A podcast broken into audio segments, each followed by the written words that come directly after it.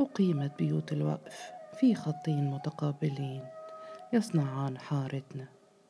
ويبدأ الخطان من خط يقع أمام البيت الكبير ويمتدان طولا في اتجاه الكمالية أما البيت الكبير فقد ترك خاليا من جميع الجهات على رأس الحارة من ناحية الصحراء.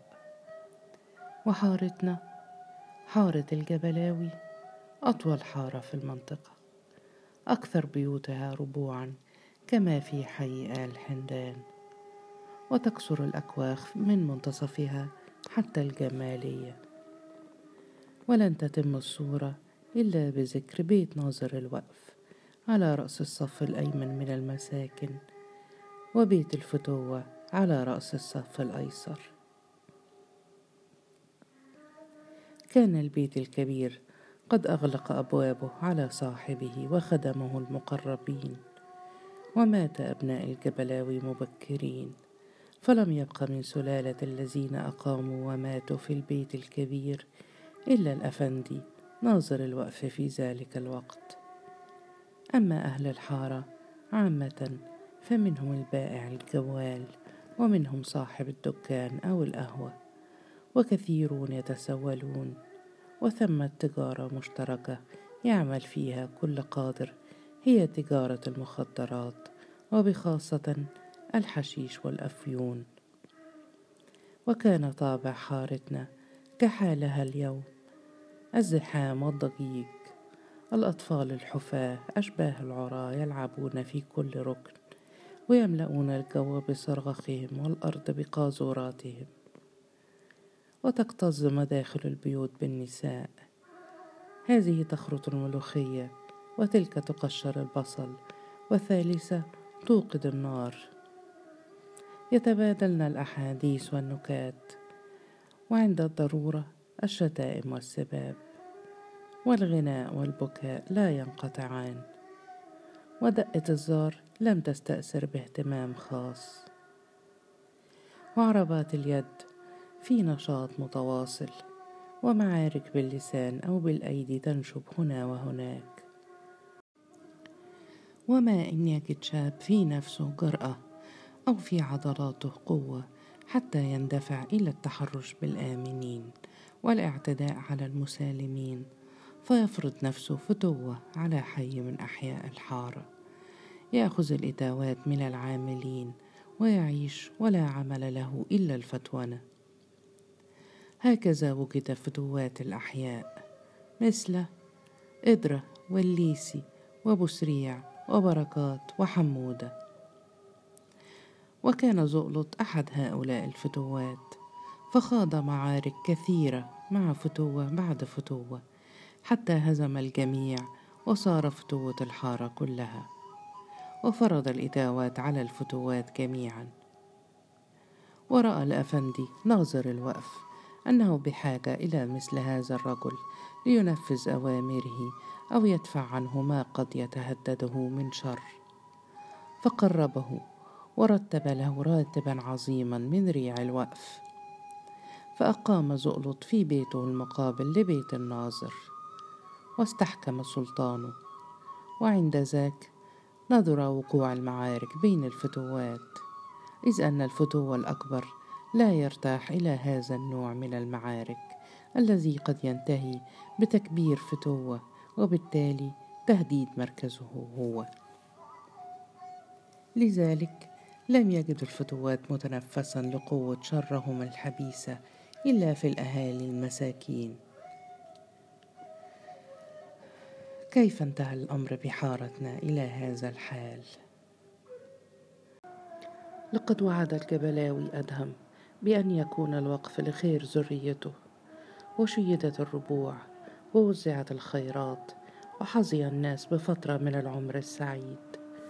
ولما أغلق الأب بابه واعتزل الدنيا احتزى الناظر مثاله الطيب حينا. ثم لعب الطمع بقلبه فنزع إلى الاستئثار بالريع. بدأ بالمغالطة في الحساب والتقدير في الأرزاق ثم قبض يبدو يده قبضا مطمئنا إلى حماية فتوة الحارة الذي اشتراه. ولم يجد الناس بدا من ممارسة أحقر الأعمال. وتكاثف عددهم فزاد فقرهم وغرقوا في البؤس والقذارة. وعمد الأقوياء إلى الإرهاب والضعفاء إلى التسول والجميع إلى المخدرات. كان الواحد يكد ويكدح نظير لقمات يشاركها فيه فتوة لا بالشكر ولكن بالصفع والسب واللعن.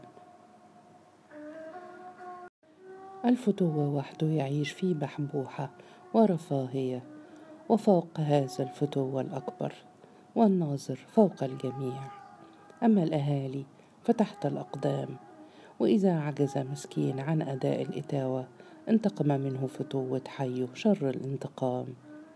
وإذا شكى أمره إلى الفتوة الأكبر ضربه الفتوة الأكبر وأسلمه إلى فتوة حيه ليعيد تأديبه.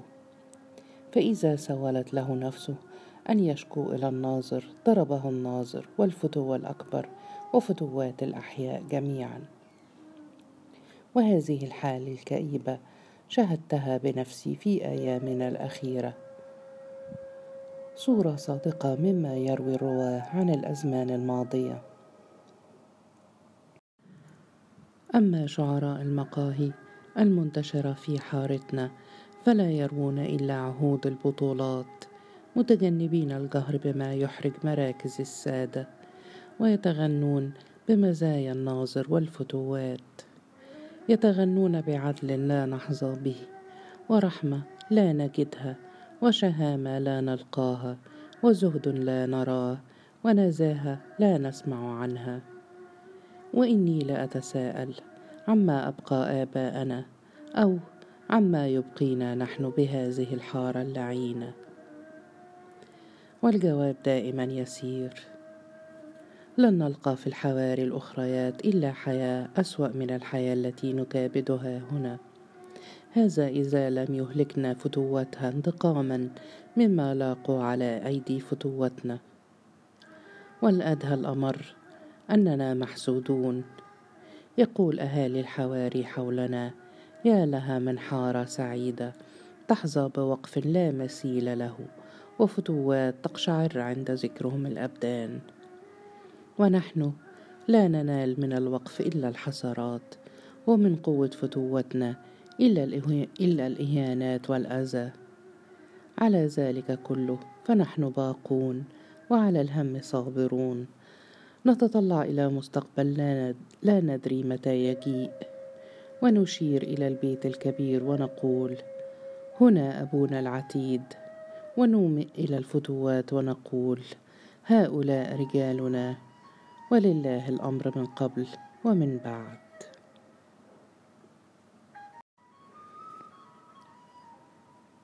ونفذ صبر آل حمدان فاستخبت في حيهم أمواج التمرد. كان آل حمدان يقيمون في قمة الحارة فيما يلي بيتي الأفندي وزؤلط. حول البقعة التي بنى أدهم فيها كوخه وكان رئيسهم حمدان صاحب قهوة قهوة حمدان أجمل قهوة في الحارة كلها وتتوسط حي حمدان بين الربوع. جلس المعلم حمدان في الجهة اليمنى من مدخل القهوة في عباءة رمادية وعلى الرأس لاسة مزركشة. يتابع عبدون صبي القهوة في نشاط متواصل ويتبادل مع بعض الزبائن الأحاديث.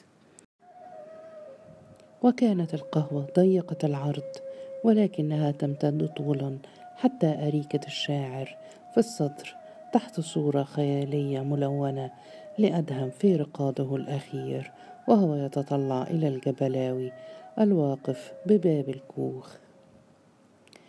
أشار حمدان إلى الشاعر فتناول الربابة واستعد للإنشاد. وبين أنغام الأوتار بدأ بتحية الناظر حبيب الجبلاوي وزؤلط زين الرجال ثم روى فترة من حياة الجبلاوي قبيل مولد أدهم. وندت عن احتساء القهوة والقرفة والشاي أصوات. وانعقد الدخان المتصاعد من الجواز حول الفانوس سحبا شفافة وتركزت الأعين في الشاعر واهتزت الرؤوس لجمال ذكرى أو حسن موعظة.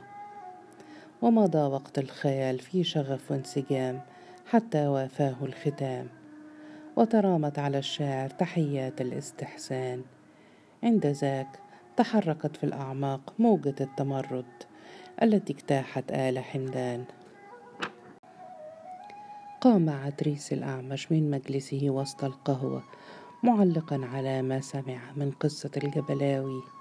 كان في الدنيا خير حتى أدهم لم يجع يوما واحدا.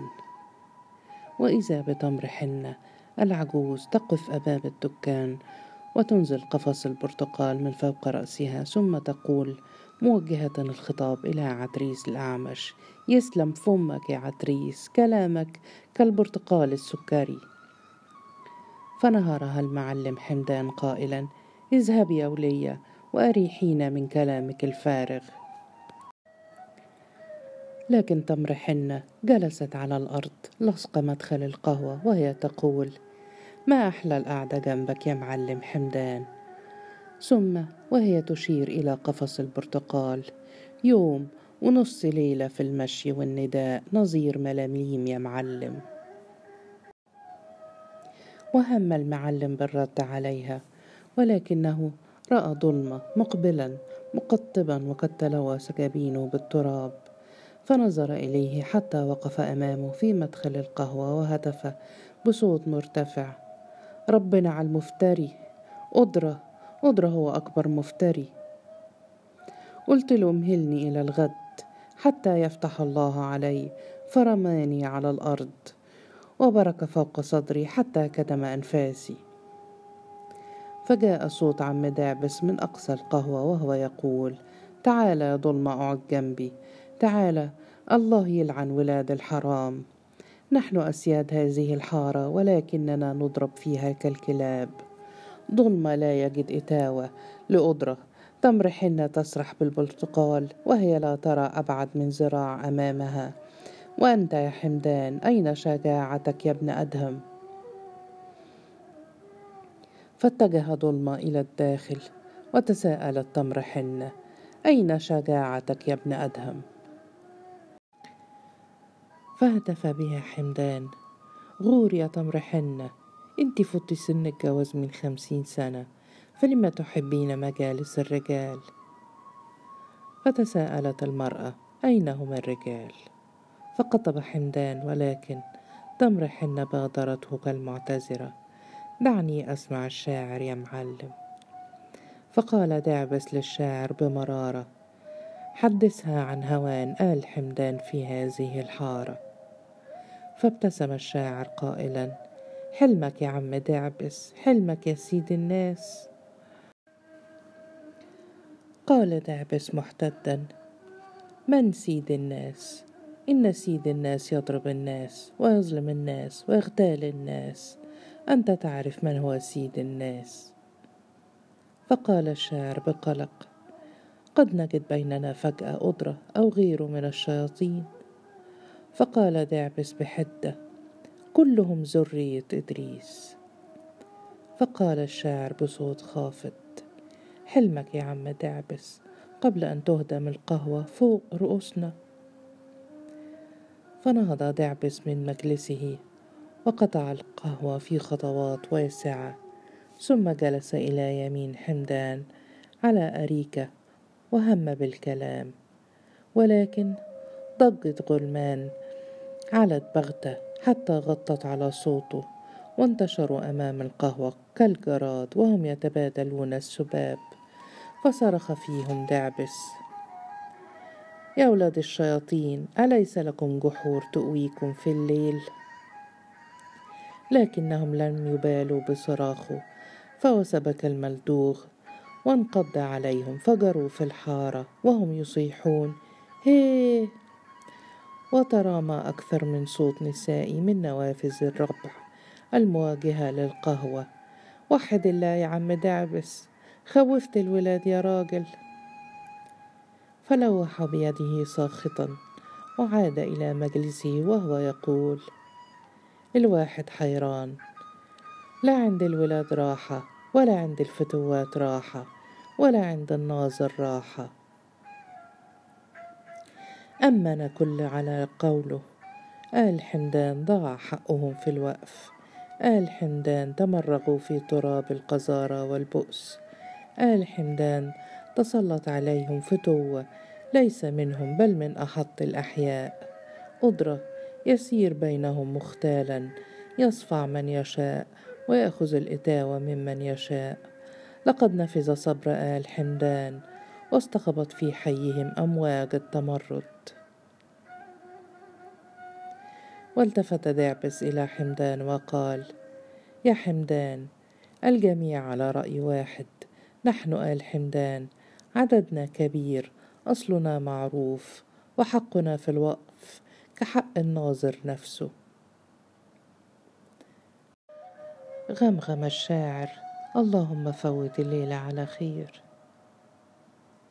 حمدان حبك العباء حوله ورفع حاجبيه وقال قلنا في هذا وعدنا سيحدث أمر إني أشم الأحداث شما.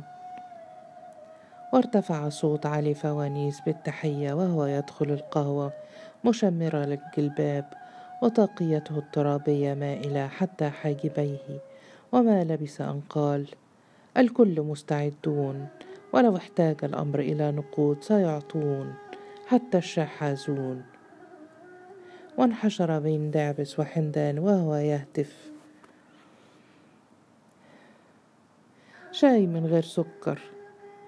فانتبه إليه الشاعر قائلا احم. فابتسم علي فوانيس ودس يده في صدره فأخرج كيسا. ثم فتحه واستخرج منه لفافة صغيرة رمى بها إلى الشاعر وربط فخذ حمدان متسائلا فقال هذا أمامنا المحكمة. فقالت تمر حنة خير ما تفعل. فقال الشاعر وهو يخرج الشيء من اللفافة. فكروا في العواقب. قال علي فوانيس بحدة. لا هوان أحط مما نحن فيه ولنا عدد وفير. يجب حسابه والأفندي لا يمكن أن يتجاهل أصلنا وقرابتنا إليه وإلى صاحب الوقف. فقال الشاعر وهو ينظر إلى حمدان نظرة ذات معنى. لم تضق بنا الحلول. فقال حمدان كأنما يجيبه. عندي فكرة جريئة. تطلعت إليه الأبصار فقال أن نلجأ إلى الناظر. فقال عبدون وهو يقدم الشاي إلى فوانيس خطوة عزيزة وبعدها تحفر قبور. فضحكت تمر حنة قائلة اسمعوا فالكم من عيالكم لكن حمدان قال بتصميم ينبغي أن نذهب ولنذهب جماعة.